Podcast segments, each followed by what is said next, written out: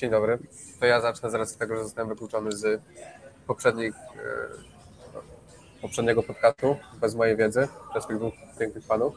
Dzisiaj pogadamy na temat przygotowania motorycznego. Chyba po raz trzeci się zbieramy do tego tematu, ponieważ ostatnio nam trochę nie wyszło. Trochę się jakoś zepsuła. Więc zacznijmy może od tego, co to w ogóle jest przygotowanie motoryczne i po co ono jest nam potrzebne w sportach walki. Co Marcin sądzisz? E, podaj- przygotowy- Zacznijmy od naszego własnego eksperta. A my e, się wypowiadamy na temat metod, czy działają, czy nie. Przygotowanie motoryczne jakby może to jest ten, ten aspekt y, pracy zawodnika nad jego fizycznością, i jego kondycją, jego możliwościami, e, generalnymi fundamentami, które pozwalają mu generować więcej siły, mocy, być lepszym, sprawniejszym w e, jego głównym sporcie. I bardzo często y, zawodnicy albo w ogóle o to nie dbają, albo dbają za dużo, albo bardzo źle. To jakby są trzy, ścieżki najczęstsze. Coraz częściej się zdarza, że zawodnicy rzeczywiście dbają o to sensownie, ale, ale no jest to bardzo, bardzo rzadkie. Do tego no to, jest as, to jest aspekt treningu, który zapewnia zawodnikowi też prewencję kontuzji, czy też wyjście z kontuzji e, i wrócenie do sportu. Więc tak bym zramował Dobra. trening motoryczny. Jakie są Twoje ulubione ćwiczenia pod sporty walki? Bieg bokserski z handlami, Tak, dwa, tak, właśnie tak. No jest, moje ulubione to jest bieg bokserski z handlami. E, Robienie wszystkiego w systemie e, w przypadku MMA 5 na 1. 5 minut Robienie wszystkiego z handlami. Symulowanie, robię- ruchów, symulowanie ruchów z jiu-jitsu z handlami. Tak, tak. Albo ketlem.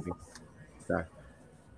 E, I do tego, nie wiem, robienia przejścia, robienia przejścia gardy na worku bokserskim. No, albo robię próba wzmocnienia siły ciosu używając gum. Mm, Ostatnio widzieliśmy też uniki przed kijem. Tak, uniki pod kijem też są mocne. To tak To jeszcze widzieliśmy ciekawego. przed sprzętem. Eee, Tak, co jeszcze widzieliśmy ciekawego ostatnio z tym? Granat pound z, z zaczepionym e, taśmą. O, właśnie. Mnie to ćwiczenie zawsze ciekawiło. Po co, jak, e, jaki jest proces myślowy kogoś, kto to używa? Albo może brak tego procesu, ale nawet jeśli jest, to jakby jak możesz to wytłumaczyć, że dlaczego to miałoby sens? Ja myślę, że to jest y, bardzo źle przeprowadzona odwrotna inżynieria, czyli co się będzie działo, jak będę próbował bić ciosy? No gość nie będzie chciał, żebym go, żebym go, żebym go bił, to będzie mnie odpychał. Nie? Przecież Tak, bo oni planują, działa. żeby sędzia ich nie odciągnął. Może, może. Bo do No i Bartek trzeszczysz. dalej. Słuchajcie mnie? Oj, Halo? Teraz tak. O, dobra, bo coś, coś tak gubi ten zasięg. Za wolny internet jak w tych Stanach. E, to jeśli chodzi o takie rzeczy, to ci, czy siłownia zwalnia? Mm, No nie, siła jest matką i dzięki sile możemy rozwinąć wszystkie inne mm, parametry, w sensie nie tylko dzięki sile, ale jakby jest jedną z tych podstawowych rzeczy. I y, warto byłoby zauważyć, że sam start, przerwanie inercji, czyli zawodnik, który rusza, no to do tego jest potrzebna tylko i wyłącznie brutalna siła. Nie da się wystartować nie mając siły, a będąc tylko szybkim.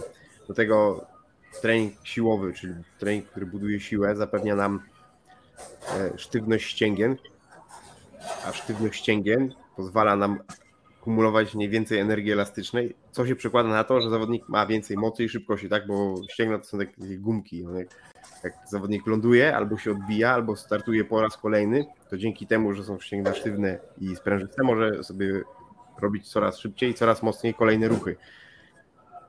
To jest rebound. Albo tak w sumie było w moim przypadku. No, Tak było w sumie w moim przypadku, jak zaczęliśmy pracować, no to jakby ja byłem strasznie wolny, to i tak naprawdę zacząłem łapać szybkość dopiero w momencie, kiedy zacząłem po prostu dźwigać ciężary. No tak, tak. No bez, bez, bez tego jakby, no to jest fundament. Myślę, że no. jestem dobrym przykładem. Tak samo pod kątem wytrzymałości, no to tak samo jakby póki nie zrobiłem siły, no to mój tlen i wytrzymałość ogólnie walce leżała mocno. No tak, jakby w walce, czy to jest jiu-jitsu, czy jest MMA, czy kickboxing, box, cokolwiek innego, e, zawodnicy posługują się wartościami operacyjnymi, czyli tymi wartościami, na których mogą pracować cały czas. Nie?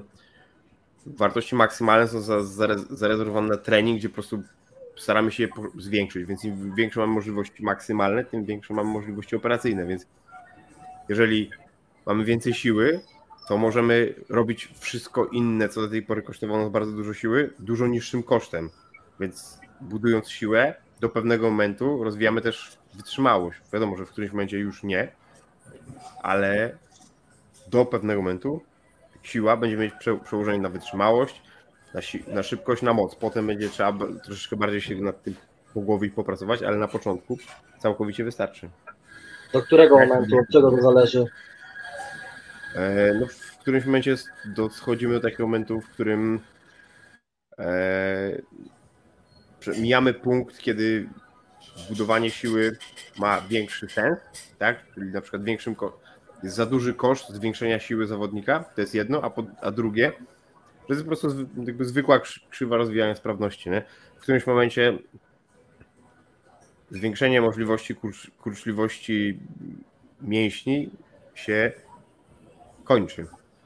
Nie? To się nie daje to dodatkowych efektów i trzeba wtedy zadbać o Co kapitalizację. tam budowanie. takiego? Jestem ciekawy, co tam takiego jest śmiesznego w tej Ameryce. Pewnie my. Pewnie nie. Nieważne. Ja nie wiem, czy my damy radę z takim internetem to pociągnąć. No.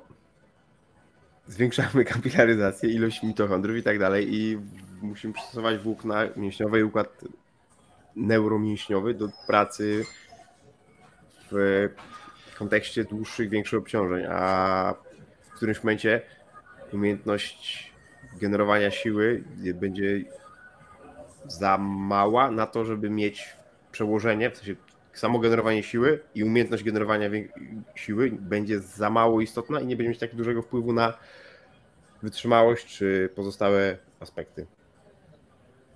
To jak budować taką siłę? Jeśli chodzi o ilość powtórzeń, bo chyba częstym błędem, jeśli chodzi o treningi siłowe sportu walki, jest to, że po prostu powtórzeń i tych ćwiczeń jest po prostu za dużo. Patrząc pod kątem też sparingów i reszty też jednostek na macie. No, że wszystko jest wytrzymałością, nie? No Koniec tak, końców. tak, Albo hipertrofią tak samo. tak, jakby e, no to, to podstawowe błędy zawodników sportów walki, to są takie, że tak, po pierwsze właśnie, e, siłka mnie zwalnia, więc nie robię siłki. Po drugie, jak już robię siłkę, to jest trening obwodowy. Albo e, jak coś robię, to wszystkiego musi być, ile powtórzeń wszystkie i ile przerwy w ogóle. I bo jak jesteś zmęczony, to jest zajebiście. Jak jesteś. Czyli jak robisz crossfit. milion- Tak, Crossfit. tak. Jak robisz, tak, crossfit, hatfu. Jak robisz mnóstwo, jak robisz mnóstwo powtórzeń, to jest dobrze. No, no właśnie, no nie. No, budowanie siły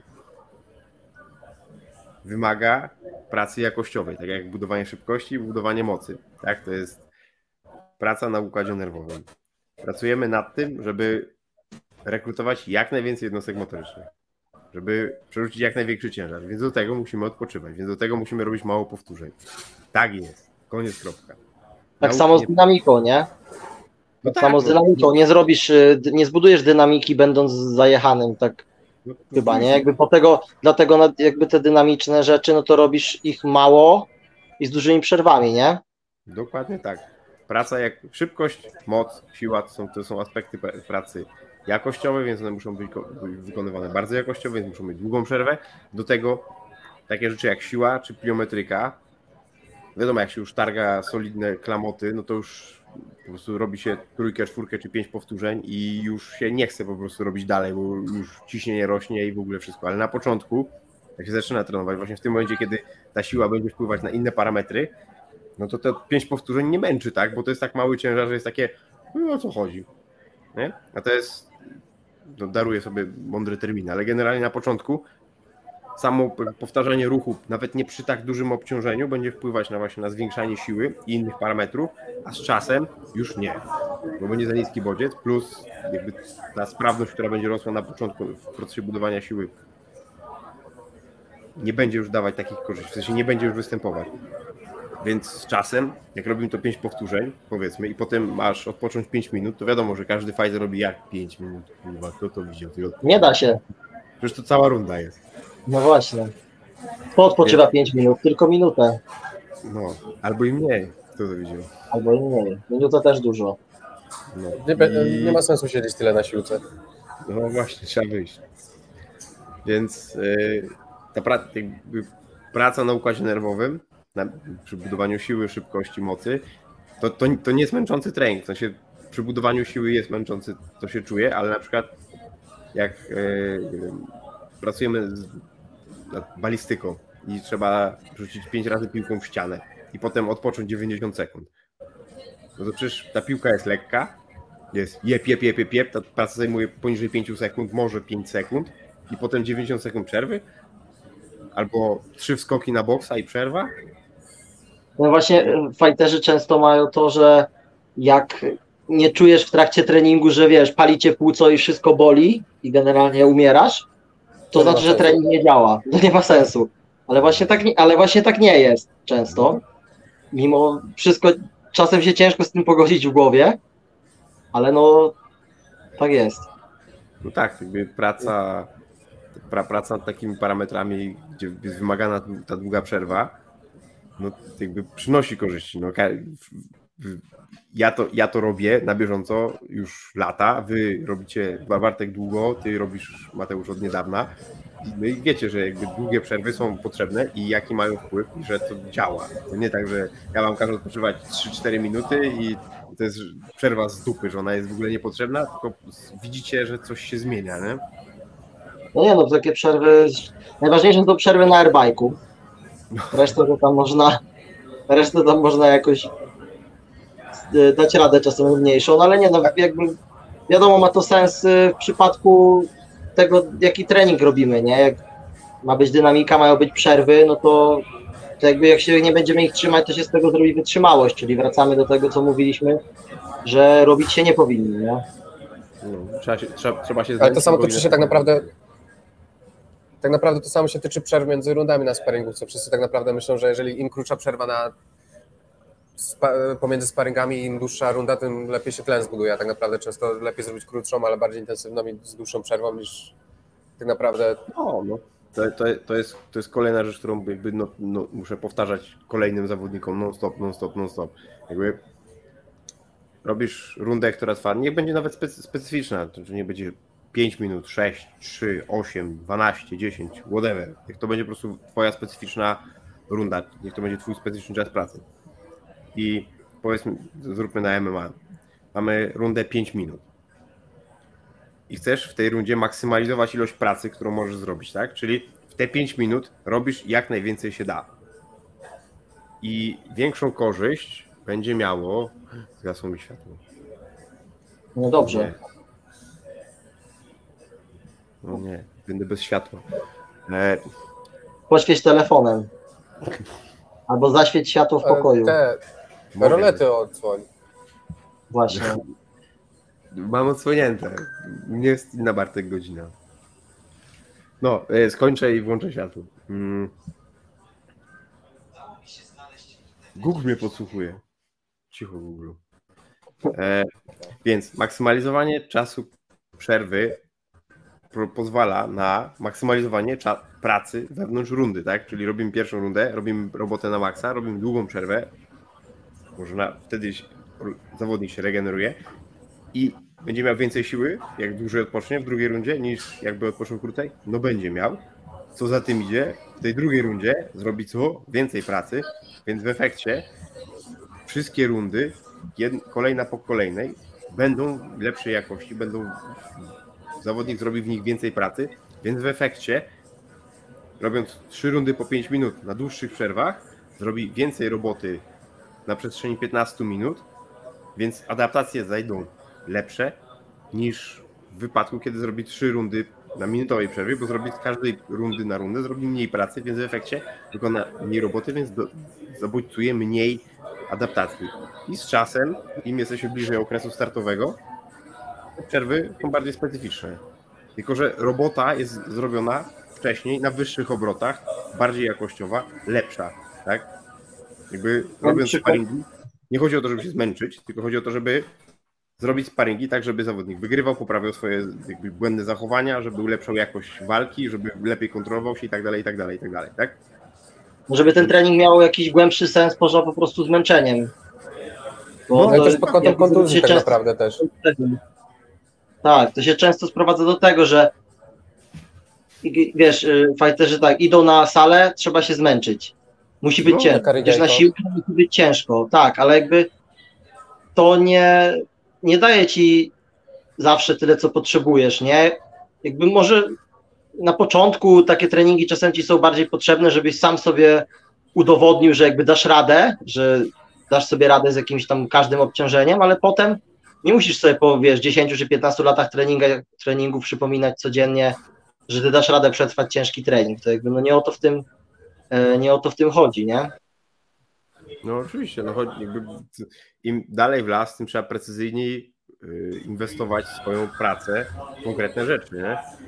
No tak, bo I- też jest trochę chyba tak, że się przez te lata treningów nasz organizm w pewien sposób eksportuje, nie? Już nie jesteś, wytrenowujesz się tak, wytrenujesz się, że jesteś w stanie znieść dużo obciążeń, ale z drugiej strony no robisz to już po prostu mądrzej, maksymalizujesz ten czas pracy. No a na przykład a propos tych przerw, to też y, ja pamiętam w Tristarze, jak wyglądały sparingi MMA.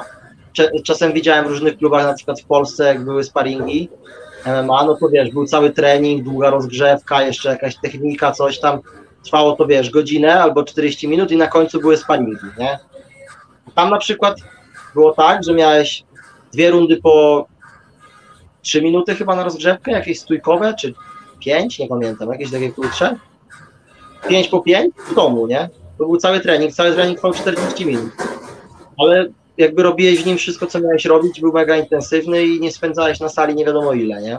No tak, może robiłeś rzeczy, które są wymagające mentalnie, fizycznie, kondycyjnie, y, koncentracyjnie i tak dalej, i tak dalej. Jakby wykorzystujesz, jakby idziesz tam, wiesz, że masz do zrobienia taką robotę konkretną. Ma być zrobione tyle i robisz to na pełnych obrotach. No to jest to samo, co jak są y, te powiedzonka trenerów, że musisz zrobić, nie wiem, 5 rund, bo dopiero 5 rund odzwierciedli zmęczenie z trzech z zawodów.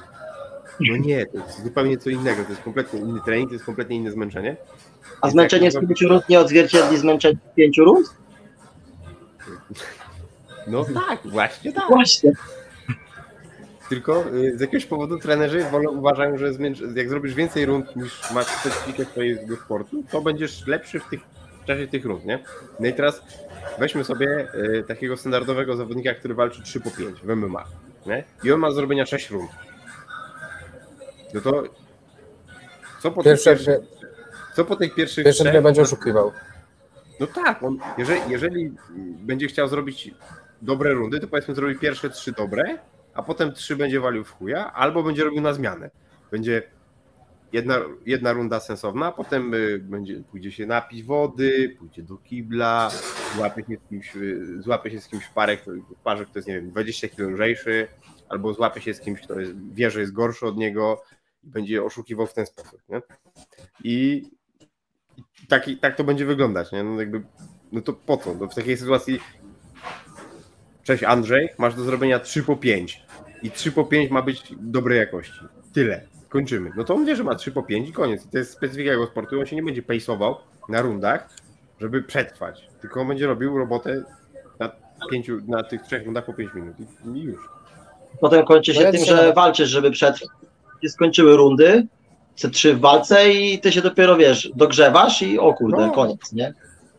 No ja nawet dzisiaj przed chwilą właśnie skończyłem trening tak naprawdę, no to ja, ja dzisiaj zrobiłem jedną zadaniówkę, no ale to była taka jeszcze luźniejsza zadaniówka, żeby się gdzieś tam dogrzać i dwie rundy po 10 minut robiłem z, z Hajsamem i z Nikim Rodem i to było dla mnie wszystko.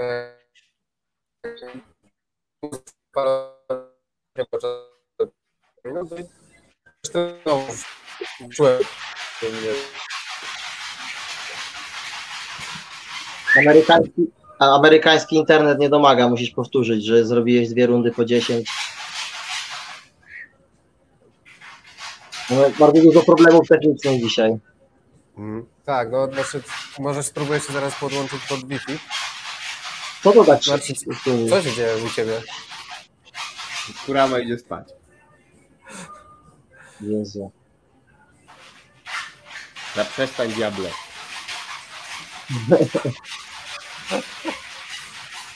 Dobra, teraz spróbuję się podłączyć pod Wi-Fi może. Zobaczyć, czy tu jest jakieś.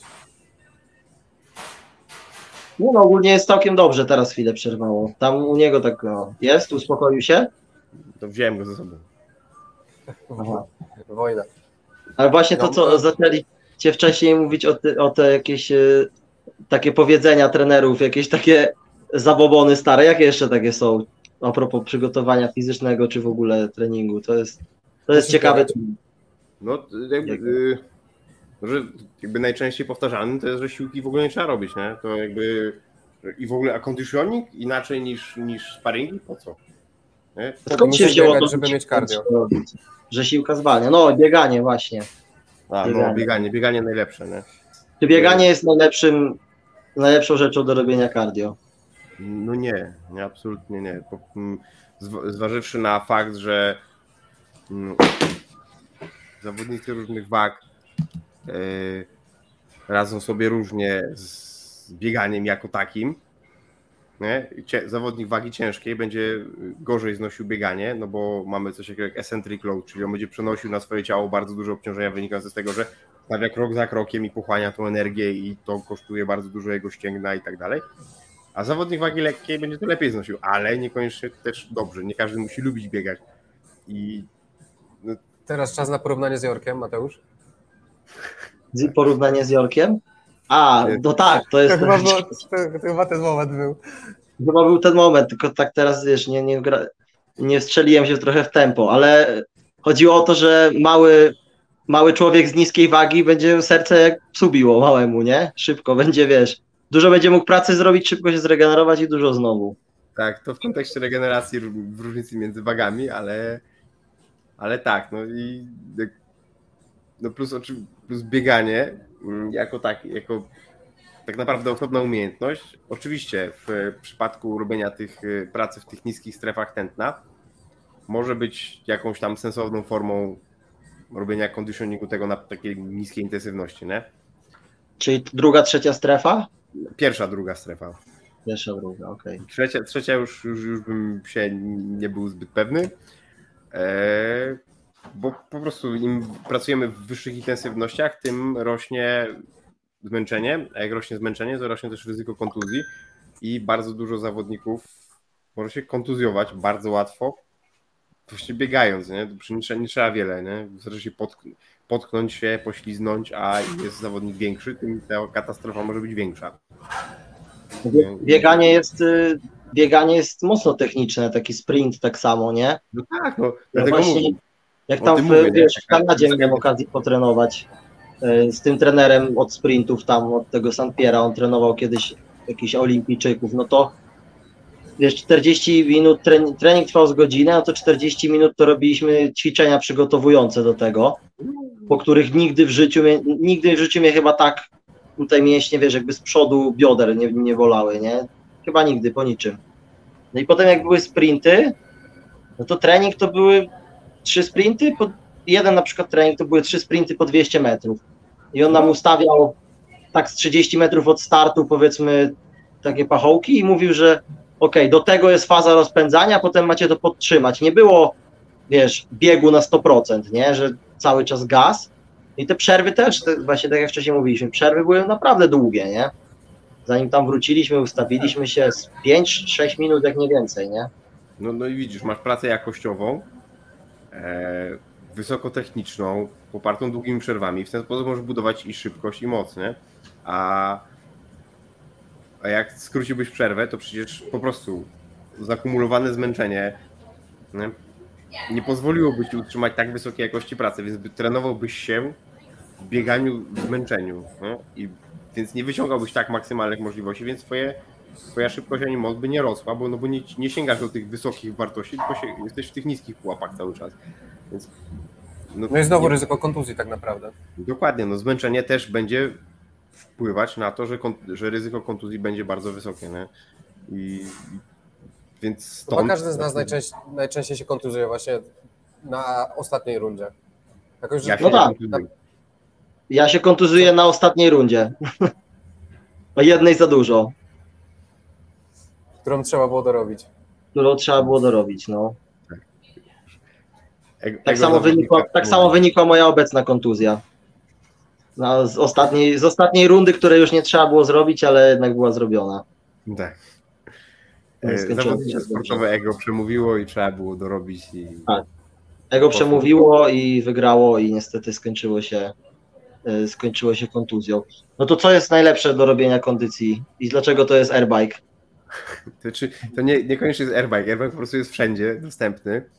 E, airbike Nie jest, musisz jakby, umieć. Jakby, airbike jest o tyle przyjemny do robienia kondycji, bo jest mamy przyjemny. pracę i rękami i nogami, nie? więc w przypadku sportu walki to jest bardzo pożądane, bo te lo, lo, kapilaryzacja, czyli tam wytwarzanie się nowych y, żyłeczek i tętniczek oraz mitochondria są robione, produkują się lokalnie, więc jak nie pracujemy rękami, to produkcja w tych prze, o, miejscach nie będzie zachodzić tak skutecznie jak e, w przestrzeni, kiedy nimi pracujemy. Więc airbike, gdzie pracujemy rękami i nogami, będzie stymulował rozwój też w rękach i w nogach, i w klacie, i w plecach. Są też inne urządzenia podobnego typu. E, Sprowadza się wszystko do tego, że one są bardzo proste w obsłudze, tak? Już Tu jest airbike. Wsiądź. No właśnie, nie musisz, nie musisz nic umieć do nich, nie? Dokładnie. Tu trzymasz, ciągniesz i potem pchasz, a tu naciskasz na, na pedały i się dzieje.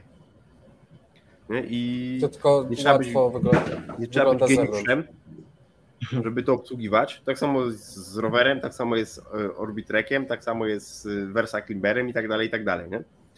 Wszystkie te rzeczy nie wymagają szczególnej z, znajomości techniki, nie wymagają uczenia się, mają zerowy eccentric load, pracuje się tylko w fazie koncentrycznej, E, więc mają same plusy. No i ryzyko, że sobie coś zrobisz, no to jest dość, powiedziałbym, że nawet wręcz bliskie zeru. No, naj, najpoważniejsze kontuzje to chyba Mateusz odnosi, jak sobie ociera e, kostką o ten. o No tak, to- Chyba najpoważniejsza kontuzja na airbike'u. Tak, no więc no, tr- trzeba się na, na, w airbike, sumie. na airbike trzeba by stracić przytomność, przewrócić się z airbikiem, żeby ci airbike zrobił krzywdę jeszcze, nie? Ten Versa Climber się też wydaje ciekawym narzędziem. Tak. Próbowałeś kiedyś coś na tym? Ja parę razy próbowałem. Jest to mega ciężkie. No, Chyba jeszcze cięższe od airbike'a, bym powiedział. no inne płaszczyzny są, ale to no, jest jakby bardzo podobny, nie? Bardzo podobne, bardzo podobne. Bo na przykład na wioślarzu się tak nie... Ciężko jest zrobić takie na przykład interwały jak na airbike'u. Nie wiem, na przykład No takie tak. wiesz, w piątej strefie, coś takiego. One są to, e, e, wioślarz jest stworzony do takiej raczej dłuższej pracy, w niższych intensywnościach, więc jakbyś, jakbyś miał wiem, półtorej godziny, znaczy dupa by odpadła, ale jakby praca na, taka długa na nim jest możliwa, nie? jakby utrzyma, utrzymanie się w, zakre- w pożądanych zakresach tętna, nie? Ale to zrobienie takich niższych chyba. Tak, tak, to w tych niższych, nie? ale zrobienie takich brutalnych interwałów jak na airbike'u, no to jest y, prawie niemożliwe. Ciężko, wejść, ciężko będzie wejść na takie tętno, nie? Opór, jest za niski. Bartek, chcesz coś powiedzieć? E, nie, nigdy szczerze nie robiłem interwału na wyślarze, na wyślarzu. Mam plecy Na złamane tam w. Tylko- Bartek tylko na airbike'u. Tak, Tylko. Marcin od, od początku mnie katuje airbike'iem, więc I serdecznie mój- tego airbike'a zawsze pozdrawia. No ja, ja dzisiaj robiłem e, pierwszy raz po kontuzji tak po, konkretnie, poważnie te interwały, chyba wykręciłem nowe tętno maksymalne, muszę to sprawdzić z obecnym, ale jest, jest, to, jest to bardzo możliwe. To właśnie Mhm. też jak wcześniej mówiliśmy o tych interwałach, e, że właśnie wszystko jest w pracy 5 na 1, no to dlaczego robienie jakby kondycji interwałów pewien, ludzie próbują robić tak, że wiesz, żeby zasymulować zmęczenie w walce, to co jakiś czas temu gadaliśmy, że robisz właśnie tu 20 sekund mocno, tu 40 luźniej, tu coś tam, dlaczego takie interwały nie mają sensu? Mm, Zależy jak zrobione, myślę, bo to tak to też. z jaką przerwą i tak dalej, z jaką intencją. No ale chodzi mi o takie, że robisz 5 minut cały czas, tylko po prostu zmieniasz intensywności, nie? Tam w jakiś różny, ustalony E, sposób. jakby w, przy- w przypadku treningu kondycyjnego dążymy do po- jakichś konkretnych adaptacji. Chcemy, żeby doszło do jakichś zmian w ciele, tak? I na bazie tego, jak mamy system energetyczny, jak one pracują, jak, jak wpływa poszczególny czas pracy przy określonej intensywności na ciało, co się, co się dzieje, co się zmienia i tego, jakie są wymagania sportu, możemy stworzyć interwały czy protokoły treningowe, które będą rozwijać dokładnie te rzeczy, które chcemy, żeby się rozwijały, nie? Więc nie musimy udawać sportu na airbike'u, żeby doprowadzić do adaptacji, które będą korzystne dla sportu. Tak? Jeżeli sztuki walki są sportem, który jest bardzo wysokoenergetyczny, jest oparty o przemiany mieszane, beztlenowe, tlenowe, no to chcemy doprowadzić do takiego stanu, w którym ciało umie sobie radzić ze wszystkimi tymi przemianami energetycznymi w sposób wydajny i żeby mogło sobie radzić w sposób wydajny, to stosujemy te same zasady co przy treningu jakościowym, czyli siły, szybkości, mocy. Nie? Więc jeżeli chcemy zmusić ciało do tego, żeby wkręciło się na bardzo wysokie obroty, tak? czyli mamy interwały po 30 sekund na przykład, jest pełen piec ciało musi sobie radzić z produkcją energii przez to 30 sekund, tak? to już przechodzimy, wchodzimy do stref bla, to nieistotne. I potem dajemy dość przerwy, żeby ciało się zregenerowało, tak? Czyli dajemy bodziec, okej, pojawiają się jakieś, taka sytuacja się ponawia. Raz, drugi, trzeci, czwarty, piąty, szósty i dochodzi do, ciało musi zareagować, tak? Czyli adaptuje się do tego, co mu przedstawiamy. Więc produkuje więcej enzymów, produkuje kapilary, produkuje mitochondria, tolerancja na mleczna się zmienia, zmienia się, zmienia się szybkość produkcji energii i tak dalej, i tak dalej, zmienia się składowanie. I w efekcie, robiąc na przykład 30 sekund pracy, ciało jest gotowe na takie wysiłki w dłuższym okresie czasu. Tak? Czyli robimy interwał po 30 sekund, długo odpoczywamy, a potem w walce, no przecież nie, żadna walka nie wygląda tak, że przez 5 minut jest ciągły młyn. Nie? Zawsze. I to się sprowadza znowu do tych przerw, że te przerwy, czekaj, Oświeciło nas. problemy techniczne, yy, ciąg dalszy. Urwał mi się ten, ta pokrętło, żeby to zgasić i muszę sięgnąć za kanapę, O nie. ale chyba to zrobię później. No, czyli to się sprowadza dalej do tych przerw, nie? że te przerwy są ważne, żeby osiągnąć te konkretne adaptacje, a nie po prostu robić jedno po drugim, bo wszystko się robi po prostu wytrzymałością wtedy, nie? I nie kształtujemy Tak, tych innych. Właśnie jak nie odpoczywamy dość długo, to nie dochodzi do żadnych adaptacji, bo pracujemy w ciągłym zmęczeniu, więc nawarstwiamy tylko zmęczenie. Jeżeli nie damy czasu na regenerację wewnątrz treningu, po treningu, to nie dojdzie do żadnych adaptacji, bo tylko wtedy one zachodzą. Trening jest Mhm. bodźcem. To, co się dzieje, dzieje się po treningu, nie? więc jeżeli, albo pomiędzy.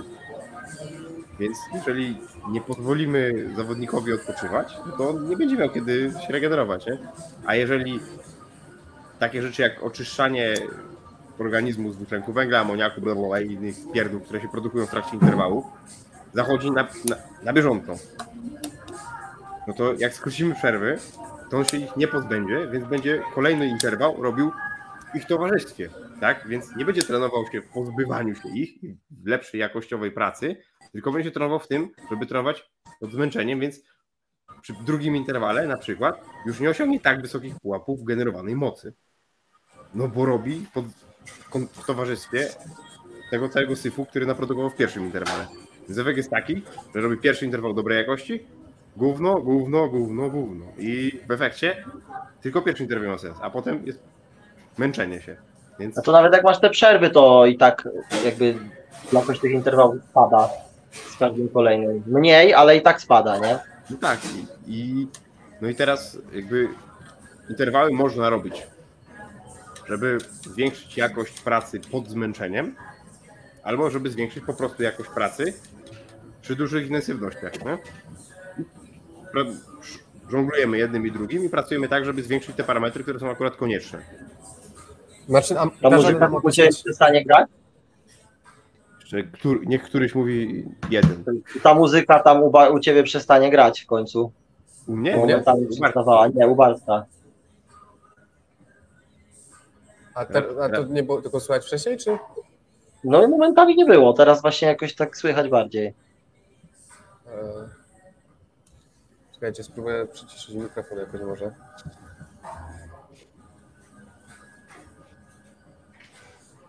E, Nie pokazuje mi, że w ogóle wykrywa tę muzykę szczerze.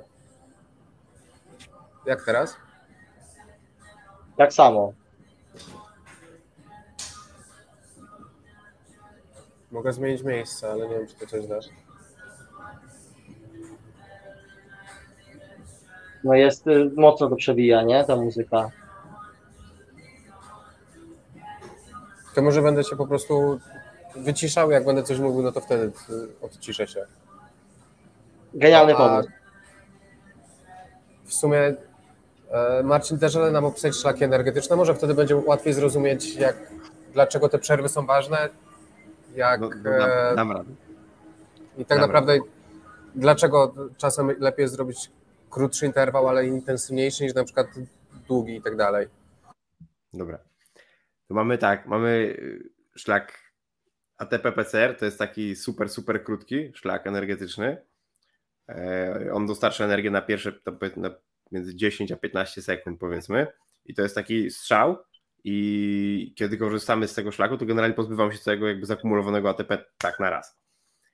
Potem mamy glikolizę tlenową i beztlenową i glikolizę tlenowa powiedzmy może przetrwać teoretycznie do dwóch minut. Nie? Mamy tam od 30 sekund do dwóch minut. To jest praca ciągła w glikolizie beztlenowej. A glikoliza tlenowa może nam wystarczyć do około 40, 50, 60 minut. E, tylko bardzo ważnym czynnikiem, na który bardzo wielu trenerów nie zwraca uwagi, czy też zawodników, to jest fakt, że nie sam czas będzie dyktował, jakie, jakie zachodzą przemiany energetyczne, tylko intensywność pracy, bo możemy być w, w glikolizie tlenowej przez 2 minuty, a możemy być w glikolizie tlen, beztlenowej przez 90 sekund, przejść do glikolizy tlenowej na chwilę i znowu wejść do glikolizy beztlenowej i znowu być w niej dość długo. Więc yy, zrozumienie tego, że mamy, że w, sportach walki poruszamy się płynnie między glikolizą beztlenową a tlenową i wszystkie akcje ofensywne intensywniejsze i defensywne intensywniejsze są e, bardzo, bardzo często prowadzone w glikolizie beztlenowej. E, I właśnie w procesie glikolizy beztlenowej, czy we wszystkich przemianach energetycznych beztlenowych, dochodzi do produkcji całej masy produktów przemian materii, które są, które utrudniają utrzymanie pracy jakiejkolwiek, czyli pracy na tak wysokiej intensywności. Dlatego tresowanie organizmu w tych w przemianie, w przemianach beztlenowych, żeby umiejętnie pozbywał się tych rzeczy z przemian energetycznych beztlenowych, jest kluczowe w sportach walki, no bo póki poruszamy się w tlenie, luzi, to utylizujemy właściwie wszystko na bieżąco, a jeżeli nie wyrabiamy z utilizacją, to i tak jest, to jest już po czasie, jaki, w jakim trwa walka, tak? No bo w glikolizie tlenowej nawet zacznie się ten produkty akumulować, ale dużo później. A w przypadku... Czyli mega ważna jest ta baza tlenowa, nie? Żeby mieć. E, No właśnie i tak, i nie. W sensie baza tlenowa jest ważna, ale ona nie zrobi roboty całej, bo można mieć zajebist, zajebistą bazę tlenową, jeżeli nie mamy bazy beztlenowej, jeżeli mam, nie mamy wydolności beztlenowej, no to pierwsze wejście w beztlen i dyntka. Jest poza Skończy się śmiercią.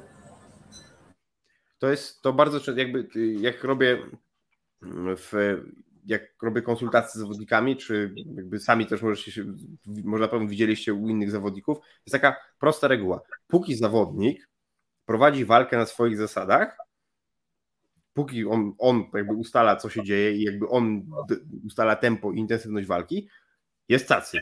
Nic się nie dzieje. Ale w sytuacji, w której zwiększył intensywność walki, bo nie wiem, bo myślał, że będzie, że kogoś usadzi, podda, albo przeciwnik jakby coś zrobił szalonego i nagle on zaczął narzucać tempo, to nagle gość, który mógł robić 17 rund po 4 minuty, jakby się zachowuje się, jakby nie miał w ogóle kondycji. też często to widać na przykład po osobach, które na treningach powiedzmy sparują luźno, czy po prostu powiedzmy sparują jednym e, tempem, idą na zawody i jedna runda i często jest skon po prostu po Tak. albo jednej rundzie, albo jednej Tak, walce tak. na jiu-jitsu. I to jest właśnie konsekwencja braku treningu w strefach beztlenowych, bo nagle wchodzą w beztlen i pojawia się tak duża ilość produktywnej materii i tak mają nieprzetrenowany ten, y, wszystkie enzymy, wszystkie mechanizmy, które mają pomóc im radzić sobie z tym, e, z tym systemem energetycznym, że nagle zachowują się jakby nie mieli kondycji, bo w tej sytuacji jakby cia- ludzkie ciało ma przeżyć, więc jeżeli zakumulujemy masę amoniaku, który będzie wpływał negatywnie na układ nerwowy, jonów wodorowych, pH rośnie w mięśniach, zakumuluje się mleczan, będzie nadmiar dwutlenku węgla i tak dalej, i tak dalej, no to włączy się tryb przetrwania i nie będzie miało znaczenia nic oprócz tego, żeby dostarczyć tlen do, do komórek, żeby ciało mogło przetrwać. Tu włączają się systemy tlenowe, ale one nie muszą się włączać tak szybko i tak spazmatycznie, jeżeli funkcjonują poprawnie enzymy i mechanizmy utylizacji tych wszystkich produktów przejmujących materii. Więc zawodnicy, którzy wchodzą w beztlen i sobie tam radzą świetnie i się czują uuu, bailando, bawimy się, są lepiej przygotowani do walki niż zawodnicy, którzy muszą pracować w tlenie, bo jak wejdą w beztlen, to zdechną. No ale to ważne jest y, jakby trenowanie wszystkich tych systemów energetycznych, czy, czy nie, bo to jak, jak mówiłeś, że są zawodnicy tacy i tacy, co różnie na to reagują, no ale to wszystko jest do wytrenowania, nie? Kwestia przyzwyczajenia organizmu do, do tych przemian, tak myślę. No tak, oczy, oczywiście. W sensie tak, tylko bardzo dużo zawodników tego nie robi. W sensie to jest, to jest w ogóle kuriozum, bo systemy beztlenowe, czyli ta praca powyżej progu mleczo- mleczanowego drugiego, jest najgorzej przetrenowana u zawodników sportów walki, gdzie spędzają tam całą masę czasu. Czyli ta piąta strefa, tak? a jest przetrenowana beznadziejnie właśnie dlatego, że to jest max effort. Pełna pizda. To jest potem- brutalne. A potem trzeba odpocząć. A zawodnicy co? Piątka, sparingi na pełnym, minuta przerwy i dzida znowu. Czyli on co robi? Trenuje pod zmęczeniem. Czyli on nie trenuje się w pozbywaniu się tych, tego badziewia, które wytworzył, tylko trenuje się w tym, żeby walczyć w towarzystwie tego. Nie? Więc kiedyś trafi na gościa, który po prostu go zmusi do jeszcze cięższej pracy, zakumuluje się tego jeszcze więcej i w dupie jest. Albo właśnie w drugą stronę, zawodnicy, którzy robią całą masę rund, ale nic na napince, wszystko na luzaczku i oni nigdy nie są tak wysoko, nigdy się nie wykręcają tak ciężko, bo jak się robi ciężko, to oni zaczynają rozluźniać, rozciągać, odpuszczać i potem jak oni tam wejdą, to oni zdechną od razu. Ci, którzy trenują pod zmęczeniem sobie poradzą gorzej, znaczy lepiej niż ci, którzy nie robią tego nigdy, ale też to nie będzie ta jakość pracy, którą mogliby mieć, bo wystarczy dołożyć sobie dwie minuty przerwy i to, nie- to nie jest duży koszt, nie? a, a moż, można być niezniszczalnym kondycyjnie. Czekamy, że może Bartek się włączy. Chyba nie chce nic powiedzieć. To jak, e, jak na przykład e, zaplanować, też ostatnio o tym mówiliśmy, jak, jak zaplanować te dobrze te takie okresy treningowe, ten wiesz, off-season i no i jakby okres w kampie, kiedy się przygotowujesz, tak? Od strony, wiesz, i od strony jakby tego, tych interwałów kondycyjne, co teraz mówiliśmy, i tak samo innego ogólnego przygotowania fizycznego. Mm. To musi, jakby, tu, tu warto też zrobić podział na zawodników, którzy startują zawodowo, czyli mają konkretne daty, konkretne terminy startu, szykują się do jednego startu, a amatorów.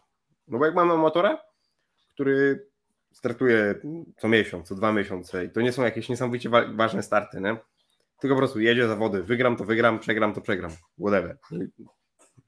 No to taki zawodnik po prostu powinien, mógłby, może sobie planować tak, że po prostu na bieżąco rozwija mm, wszystkie parametry. Nie? W takim, nie wiem, systemie na przykład 4 tygodnie, co, co obro, wiem, rotacyjnie, 4 tygodnie robimy coś tam, powiedzmy, nie wiem, bazę, jakby dbamy o bazę tlenową cały czas i nie wiem, 4 tygodnie mm, robimy krótkie interwały i buduje siłę, potem przychodzi do mocy i dłuższych interwałów i znowu wraca do tych pierwszych czterech tygodni. Tak, tak bym widział te jakby przygotowania amatora, nie? Bardzo dużo, bardzo dużo pracy z aspektami technicznymi, sparingowymi i tak dalej, żeby zawodnik był wydajny w tych aspektach, nie? No bo u amatorów bardzo często ekonomia ruchu będzie mieć dużo większy wpływ na to, czy jest silny, czy jest wydo- wy- wydolny, niż sam conditioning, więc u niego to będzie mniej istotne. U zawodników, którzy są bardziej doświadczeni, którzy mają już jakieś priorytetowe starty, którzy są już, mają, mają już starty kontrolne albo sta- i starty istotne, albo walki umówione konkretne zawodowe, no to u takich zawodników planujemy off-season, w którym buduje, rozszerzamy fundament, nie? czyli cofamy się znowu do budowania siły, do budowania jakby do elementów prewencyjnych. Tak, mamy historię kontuzji zawodnika, albo wiemy, jakie kontuzje występują w tym sporcie, ale albo jakie on ma tendencje do robienia sobie krzywdy, to wzmacniamy, o to dbamy. I możemy zrobić taki, taki sam system, na przykład 4 tygodnie pracy nad czymś tam, czyli typ, na przykład siła i baza tlenowa, czyli albo jakieś tam podstawowe interwały. I druga taka czwórka, tylko na przykład z inną charakterystyką interwałów, dbając o jakieś tam inne aspekty. I na przykład to są takie dwie czwórki, które, nad którymi pracują. To mogą być cztery tygodnie, mogą być dwa, to może być sześć tygodni taki blok. To jakby jest do ustalenia z zawodnikiem. I dwa takie bloki może sobie zamieniać miejscami cały czas. I one muszą być tak skonstruowane, że jak pojawia się termin walki, to na przykład z pierwszego no, wskakuje już w przygotowania do kampu. Czy to jest, czy na przykład w wypadku zawodników, którzy ma, nie wiem, w wypadku na przykład Mateusza, który w grudniu, y, wróć, we wrześniu są trialsy, nie? no to wiemy, że są trialsy od zeszłego roku, no to ostatnie tygodnie do, do przygotowania trialsów będą wyglądać inaczej, no ale jakby wiemy, że wcześniej nic się nie wydarzy i można zaplanować nawet 9 miesięcy czy rok przygotowania do tych jednych konkretnych zawodów i wypikować na te konkretne zawody. W wypadku zawodników, którzy mają walki, no to i nie mają tych terminów, albo mają mieć za jakiś czas, na przykład 3 miesiące ma off-seasonu i obraca sobie tymi tygodniami tych przygotowań ogólnych, potem zaczyna się kamp, no i w kamp możemy podzielić na wczesny kamp i późny kamp i we wczesnym kampie na przykład mamy znowu rozszerzanie conditioningu o jakieś aspekty, które są istotne dla zawodnika, buforowanie mięśnia, mi- buforowanie czy interwały glikolitryczne, czy interwały pod zmęczeniem, whatever. I Ja mamy... też...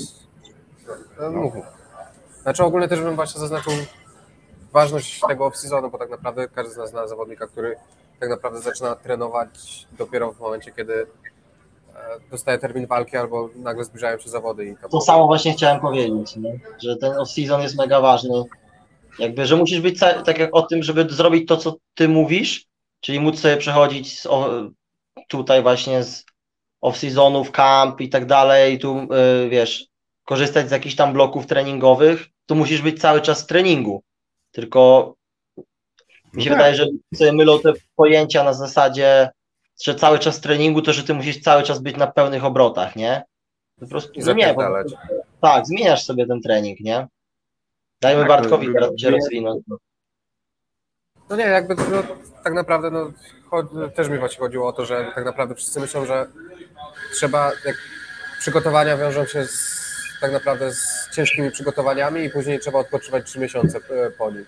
I tak, tak samo ciężko jest nawet tak naprawdę ani zbudu, nie zbudujesz siły, ani nie zbudujesz techniki, no bo już trzeba pod konkretnego przeciwnika się przeważnie przygotować, jeśli chodzi o MMA. E, Też przy okazji trzeba zbijać wagę, więc też no, ciężko jakkolwiek to ruszyć tak naprawdę, więc to jest takie No tak, no jakby okres, okres kampu to, to jest okres, kiedy wygładza się ostrze, a nie y, szuka kopalni, w której się wykopie żelazo na ten miecz, nie? Off-season jest po to, żeby rozwijać umiejętności. Off-season jest po to, żeby doskonalić y, błędy, które wynikły na, na walkach. Off-season jest po to, żeby budować, żeby się rozwijać. W kampie po prostu pikujemy, czyli robimy to, co jest potrzebne pod konkretną walkę, konkretne zawody, konkretnego przeciwnika, nie? Jakby tyle, nie? Jakby nie da się w okresie, nie wiem, 8 czy 12 tygodni zbudować tego wszystkiego, co powinno być zbudowane w trzymiesięcznym y, off-seasonie. I jeszcze do tego przygotować się do walki jakby pod konkretnego przeciwnika, robić sparingi i tak dalej, nie? No Bo tak, też- ty- Pewnie jakby w momencie, w tym off-seasonie można sobie bardziej trochę dołożyć tego przygotowania fizycznego, na przykład odjąć troszeczkę z treningu na macie, nie? No i pobawić się też te, tym treningiem, a nie, że tak naprawdę trening to już musi być tak naprawdę wszystko idealnie poplanowane i zero przestrzeni tak naprawdę dla siebie, bo to też mimo wszystko jest ważne według mnie przygotowania. Bo tak naprawdę każdy myśli, że przygotowanie to jest ciężka orka i dlatego też po jakimś czasie sporo zawodników się wypala.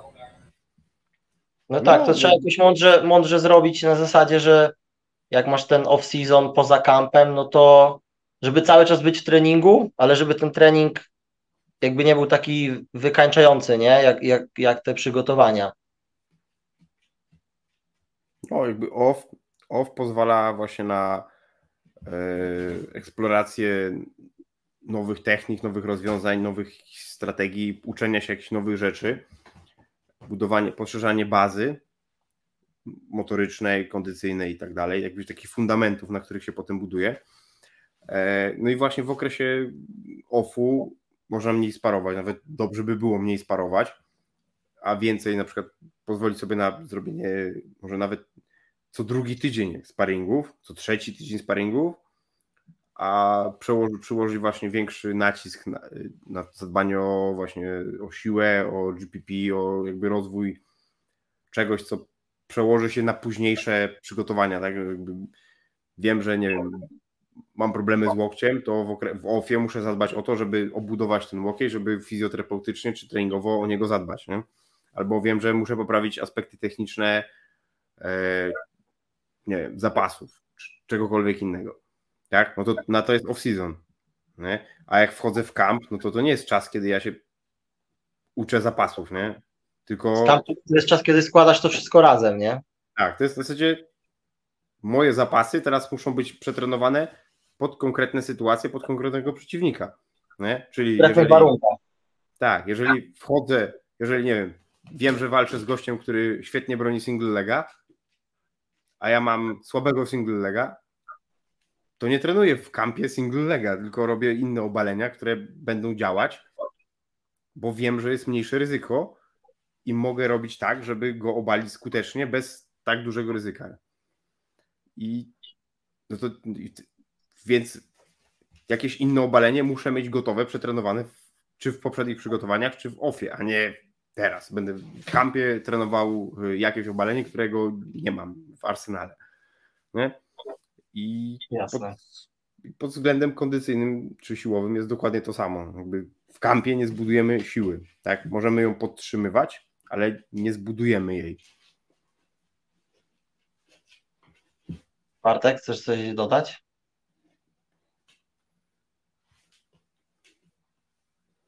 Może nas nie słyszy. Pewnie nas nie słyszy. słyszał, ale chyba nic nie chcę dodać. Co? Nie słyszy. No jeszcze z ciekawych tematów, które wtedy poruszaliśmy, to właśnie też mówiliśmy o tej, jak, jak, jak istotne, słuchawki. aha, Okej. mówiliśmy o tym, jak istotne jest to, żeby trenerzy się między sobą ra, razem komunikowali. Jakby, jak ego trenerów czasem po prostu przeszkadza zawodnikowi, ego poszczególnych trenerów gdzieś tam w jego sztabie. To już mówimy o bardziej no, profesjonalnych zawodnikach, którzy tych trenerów mają kilku, nie?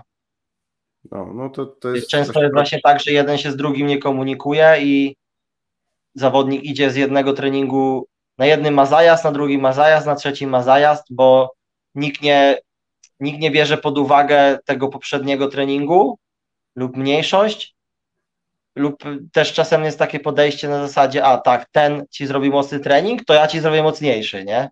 Tak, tak, przy, przy, przerzucanie się, że ode mnie będzie ciężej. Tak. No, nie, bo to jest, to jest, to jest częsty problem i nie,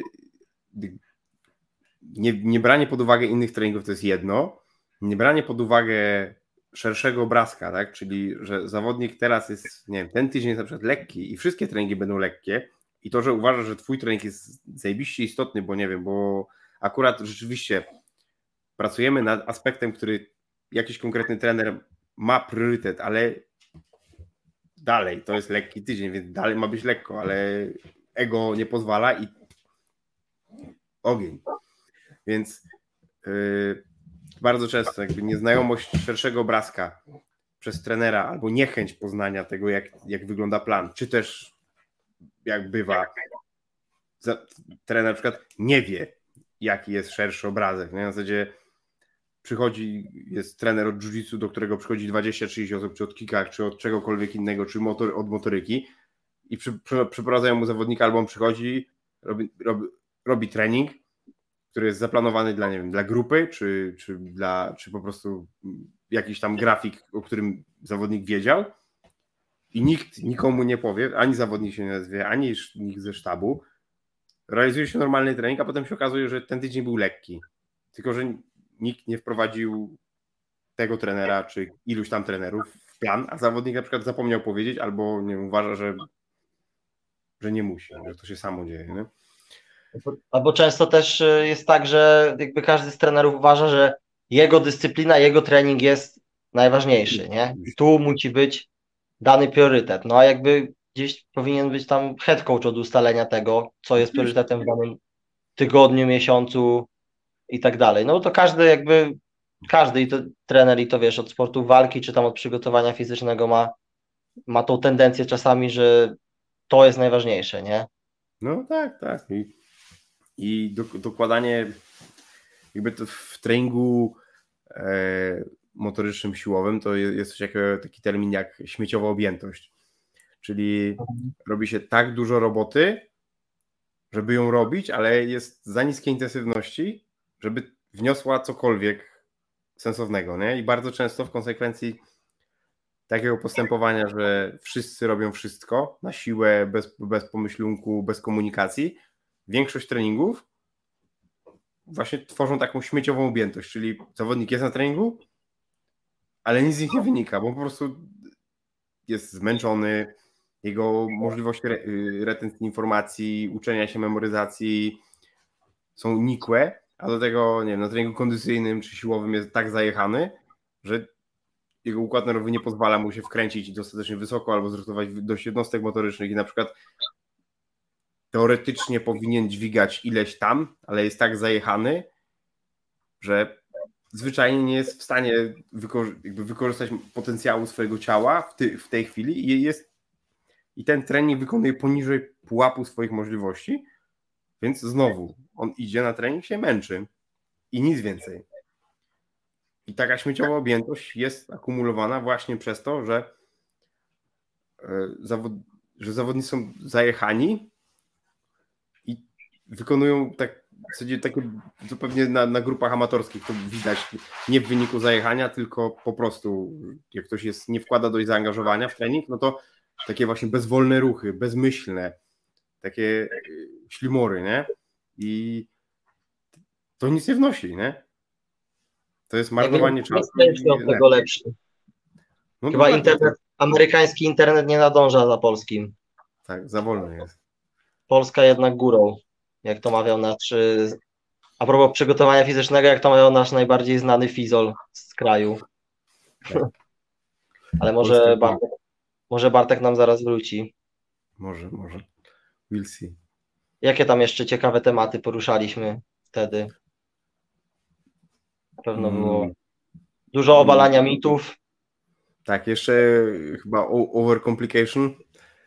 No jakby um, dorabianie jakichś dziwnych ideologii do, do ćwiczeń, plus wymyślanie jakby nad, nadmiaru trudnych ćwiczeń, nie? I masz nie wiem, stosowanie jakichś modnych wynalazków, które akurat są fajne, nie, jakieś waterbugi czy jakieś inne rzeczy.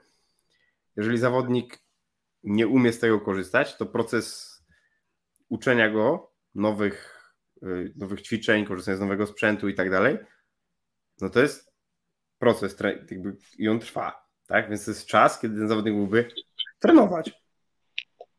No nie? też y, chyba nie, mi się wydaje, że nie potrzebujesz aż tyle sprzętów do zrobienia no, dobrego dokładnie. przygotowania fizycznego, Oczywiście.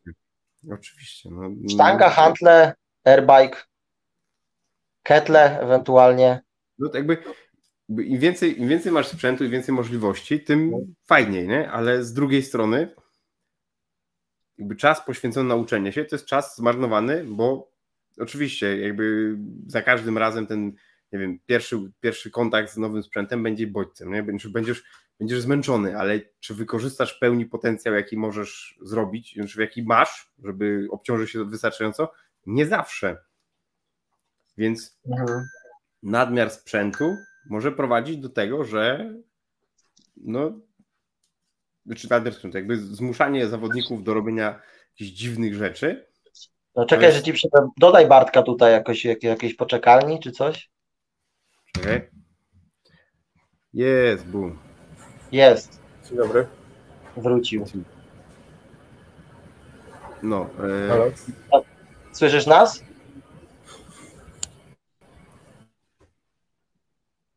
Ja wybijam mi ogólnie słuchawki co chwilę, nie jestem w stanie się z- połączyć, nie wiem dlaczego. A słyszysz nas, czy nie? Teraz też was nie słyszę. Nie wiem, czy mi to łączy z czyimś innym telefonem, czy co, ale coś... Ameryka. No, w każdym razie. sprzęt ekstra, który jakiś jest dziwny, kosmiczny i który jest obcy dla zawodnika, to jest, mamy proces uczenia się nowego, nowego sprzętu, co wpływa na marnowanie czasu, który mógłby być przeznaczony na normalny, te- znaczy na trening na sprzęcie, który zawodnik zna oraz nowy sprzęt, nieznajomość sprzętu równa się większe ryzyko kontuzji. No musisz się jakby uczyć obchodzić z tym sprzętem na nowo, nie? A, y, a tu wchodzi też właśnie y, ego zawodnicze, ego sportowe i no przecież nie będę robić na małych obciążeniach, nie będę się uczył, tylko dawaj już tu wielkie klamoty, duże ciężary, zrobię to szybciej, No tak. mocniej ciężej i ryms, nie? To jakby to nie, nie, nie musi być też wina zawsze trenera, nie? W sensie, najczęściej to nie jest, w sensie, no powiedzmy 50-50, o tak. E, Tak. ale... Czasami trener niewiele może zrobić po prostu. No tak, tak, no jak wiesz, yy, Mateusz, nie dopierdalaj tak nóg, a rumuński to na nogi? No, no, No było, było. no, było i tak. y, Więc yy, to, to jest po prostu, no, w, moj, w mojej ocenie, jeżeli mam zawodnika, który ma mało czasu na trening, a każdy zawodnik ma za mało czasu na trening, bo chce trenować i musi się regenerować, no to dodawanie mu jakichś y, dodatkowych sprzętów jest marnowaniem jego czasu, chyba że zawodnik sam z siebie w ramach jakiejś, nie wiem, formy uczenia, zdobywania nowych kompetencji ruchowych czy czegoś takiego chce i potrzebuje się y, nauczyć czegoś, no to wtedy jasne, nie? Ale, Ja widzę, ale w sytuacji, kiedy to jest zbędne, kiedy to jest wymysł trenera na siłę, no to, to, to jest marnowanie czasu, energii, chęci, potencjału, plus brak robienia progresu i poświęcanie czasu na pierdoły zwykle wypala i demotywuje zawodnika. No to prawda. Ja też widzę po sobie, że nawet zawsze jak jest nowy plan i są nowe ćwiczenia, których nie znam, to mi po prostu więcej czasu schodzi z dwa tygodnie, wiesz, dwa razy powtórzyć ten sam dzień, aż się tego tak nauczę, bardziej to zautomatyzuję, że przychodzę na trening, dobra, widzę to, ok, to wiem jak zrobić, nie? A na początku to wiesz, troszeczkę dłu- dłużej trwa, przez co się trening wydłuża, a tego nie chcemy. No i do tego rośnie frustracja, bo nowe ćwiczenie, bo muszę je zrobić lepiej, bo muszę się nauczyć i tak dalej, nie? To jest też upierdliwe dla zawodników. Nie wiem, czy ten Bartek do nas wróci. Mm, ale mógłby wrócić, bo moglibyśmy się dowiedzieć, co tam słychać w Stanach. Może ktoś pisze, Już patrzę. zobacz. Chwilka, przer- krótka przerwa techniczna. Napisał, nic z tego nie będzie. Nic z tego nie Chyba mu umarł internet. Aha. Co teraz? Eee, no chyba, e, w sensie poruszyliśmy wszystkie tematy, które poruszyliśmy przy pierwszym podejściu. Większość. No, większość. Tak Jakby możemy nagrać zawsze następne podcasty, więc nie będzie problemu. Możemy dograć następne w przyszłości, więc No, sumie problemu. No. Trzeba iść spać, bo jutro trzeba i rano trenować, trenerze. Tak jest, na siódmą rano jutro. No. No dobra. Bartek, to Bartek ma środek dnia. O, czyżby Bartek. wrócił? Jest Wrócił? i on. Jest. Dzień dobry. Czyli jeszcze, jeszcze na niego już mieliśmy zakańczać. Nie, dobra, wróciłem. Ogólnie nie wiem, czy tam słyszeliście, ale nie, nie chciał mi łączyć w ogóle ze słuchawkami i was w ogóle nie słyszałem. To słyszeliśmy. Teraz znowu cię nie słyszymy. Te, no, a te, słyszycie mnie teraz, czy? Teraz Teraz tak. Dobrze. Tak, tak, tak, no bo się wyciszyłem. No ogólnie będę was chyba gorzej po prostu słyszał, ale puszczę to na... na Dobrze, ale akurat Bartuś już kończymy, więc y, przyszedłem, żeby się pożegnać z, z, z Nie, no jeszcze- Jeszcze, jeszcze chwilę, ale co, jakie jeszcze y, tematy nie zostały poruszone z tego, co nagrywaliśmy wtedy? Już Tak sprawdzę, już. Ciekawszych. Ja pa- patrzę właśnie.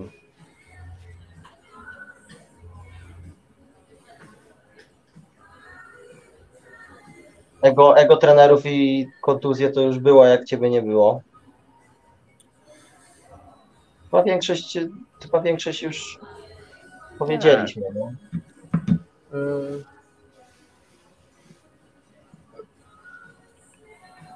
Możesz tam Bartuś opowiedzieć, jak jest w Stanach. Właśnie. Daj nam pierwszą relację z, ze Stanów. Co tam słychać w Teksasie? Jaka pogoda? Czy już ktoś do ciebie strzelał? Jak tam treningi? E, jakiś typ wczoraj się zatrzymał na środku skrzyżowania i powiedział, że jestem śliczny. I miał rację. E, Miał jeszcze rację.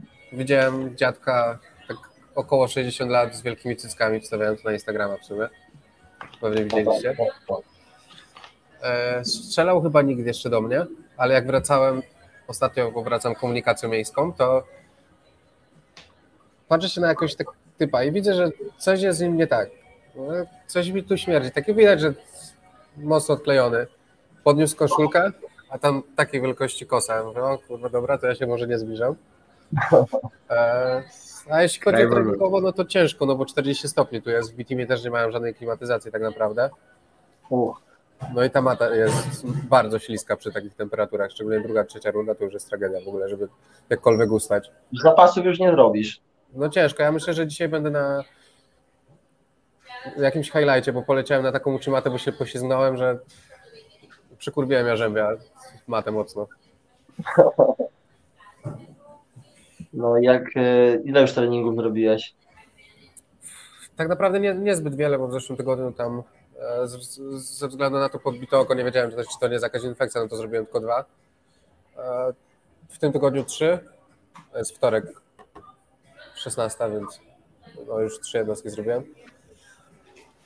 Jak e, treningi wyglądały tak, jak wyglądały ostatnio? Zadaniówki? Tak, tak, wyglądają bardzo podobnie. No, tam chwil, chwila techniki, no i później zadaniówki, no i rundy. No, te poranne rundy no to są 10-minutowe wszystkie.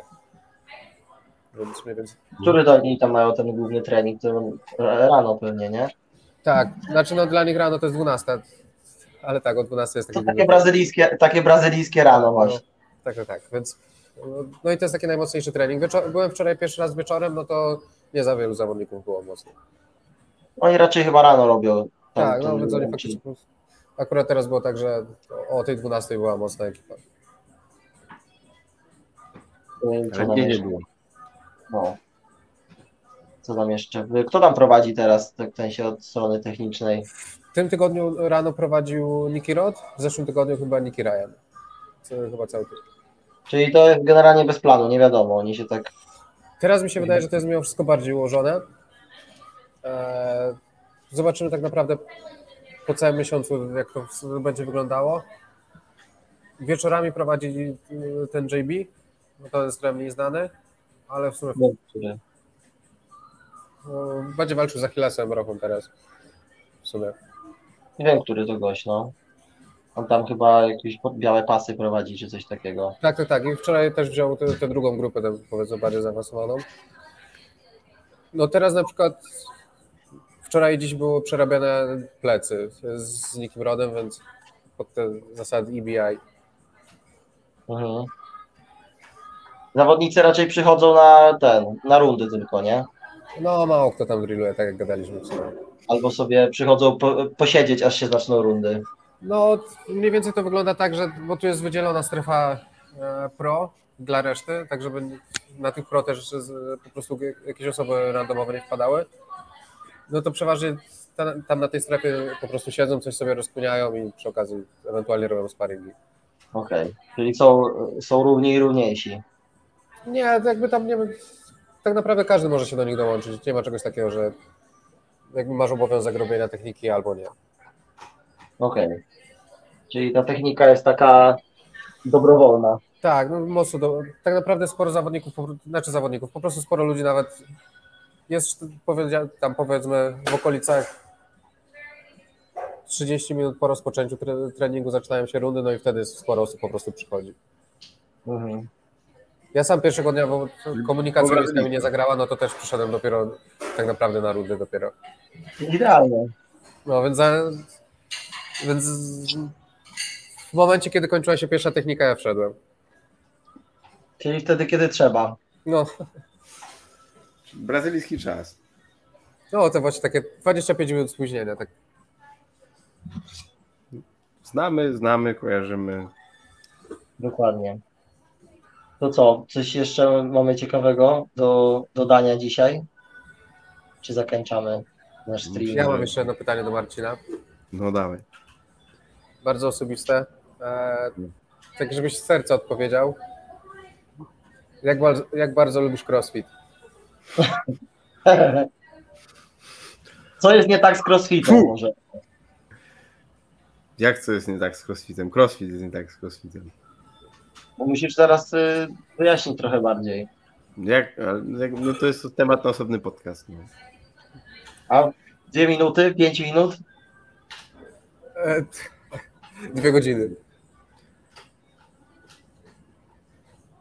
Spróbuj. No Nie, złe, złe skalowanie, złe dobieranie obciążeń, yy, zakładanie obciążeń, źle, do, źle zestawiane ćwiczenia, bezsensowna objętość, za duża objętość, za duża intensywność, za, za duża gęstość treningowa. Yy, Zła priorytetyzacja treningu, bezsensowna, bezsensowny zestaw umiejętności, e, brak skalowania w dół i y, oparty na marketingu i kłamstwie, bo najlepsi zawodnicy nie robią crossfitu tyle, ile mówi im się, mówi się y, adeptom crossfitu, że robią, bo zawodnicy crossfitu, ci topowi, y, wody crossfitowe, to robią od wielkiego dzwona, a nie codziennie, a adep- adeptom crossfitu wmawia się, że trzeba robić codziennie wody i potem są porozwalani. No ja pamiętam jak kiedyś, y, no z 10 lat temu chyba, chodziłem 2 czy 3 miesiące na crossfit, no bo tam, nie wiem, z, zaczynałem trenować sporty walki z rok czy więcej. No i wiesz, wtedy no to co, przygotowanie fizyczne, no to trzeba iść na crossfit, nie? No A wiadomo. byłeś w Wege I- wtedy? Co? A byłeś w Wege wtedy też? Nie, A studiowałeś prawo? nie. Byłem w liceum jeszcze. A, Pierwszy crossfit w Rzeszowie się otworzył wtedy. Więc trzeba było sprawdzić.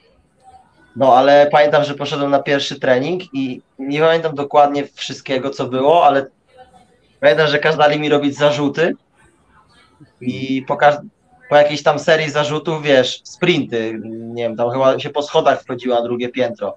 Tam zbiegałeś na dół, wbiegałeś na górę i potem robiłeś te zarzuty. Człowieku, ja wróciłem na drugi dzień, jak się obudziłem. Ogólnie nigdy nie miałem problemu z plecami, ale to, jak mnie bolały plecy na drugi dzień, to nie do pojęcia było, nie? dlatego Wtedy, crossfit się. Szybko to przeszło, ale no. Wiesz, poszedłem na pierwszy. Przychodzi dzieciak 18-letni, 17-letni na pierwszy trening. Nic z tym nie ma wspólnego. Oni dawaj, mordo, zarzuty lecimy. No wiadomo, no. Ja nie wiem, cztery serie po 8 czy coś takiego. No to mogłeś sobie wyobrazić, jak te zarzuty wyglądały. no tragicznie, tragicznie. Tragicznie.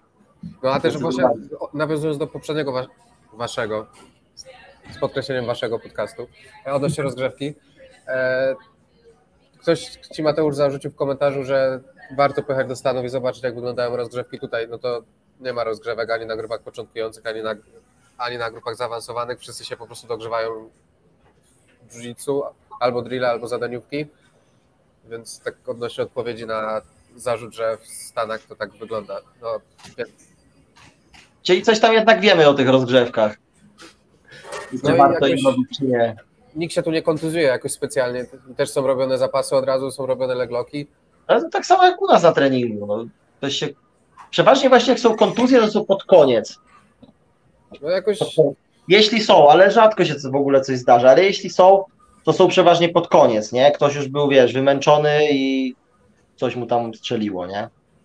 Tam tak samo, no ja wie, wiesz, taki komentarz, no jakby ja byłem sporo razy w Stanach i, i w dużych, gdzieś tam w dużych klubach i wiem jak to wygląda, nie? E, No ale to jest po prostu kolejny, w B-Teamie nie byłem, więc to jest po prostu kolejny przykład na to, że w dużych klubach, nawet w Stanach, po prostu rozgrzewki ich nie interesują, nie? Tyle. No szczególnie też patrząc nawet na, na to, jak, w jakim, jak oni stylistycznie robią na treningach, to są dość, ktoś mógłby rzec, niebezpieczne akcje, czy jakby kontuzjogenne. Że tam nikt, No. nikt nie patrzy, robią wszyscy wycinki, jakieś rzuty, nie rzuty. I jakoś nie widzę tu wi- większej ilości kontuzji, szczerze. Kontuzje się zdarzają wszędzie, no jakby w każdym klubie, ale od to nie jest tak, że to nagle rośnie o, wiesz, dziesięciokrotnie, jak się nie rozgrzewasz, nie?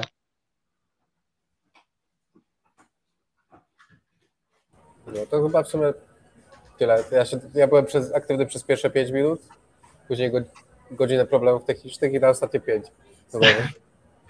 I tak ci, i tak ci nieźle poszło. Następnym razem ogarnę e, ten sprzęt. Nie wiem, czy, chyba mi po prostu łączyło z czymś telefonem te słuchawki. Nie wiem jakim cudem, ale Dobra. To, to co? Tyle na dzisiaj. I, i tyle. Marcin chce już iść spać bardzo. Tak, Tak, jest godzina prawie północ yy, na czas polski, więc iść już Jest spać. godzina 17 u mnie, więc No. Więc możesz, do, możesz dokończyć podcast sam. dobra, będę gadał przez kolejne 40 minut. dobrze. W końcu będę miał prawo głosu. No, dobra, to tyle na dzisiaj i do zobaczenia, usłyszenia w następnym Ciao.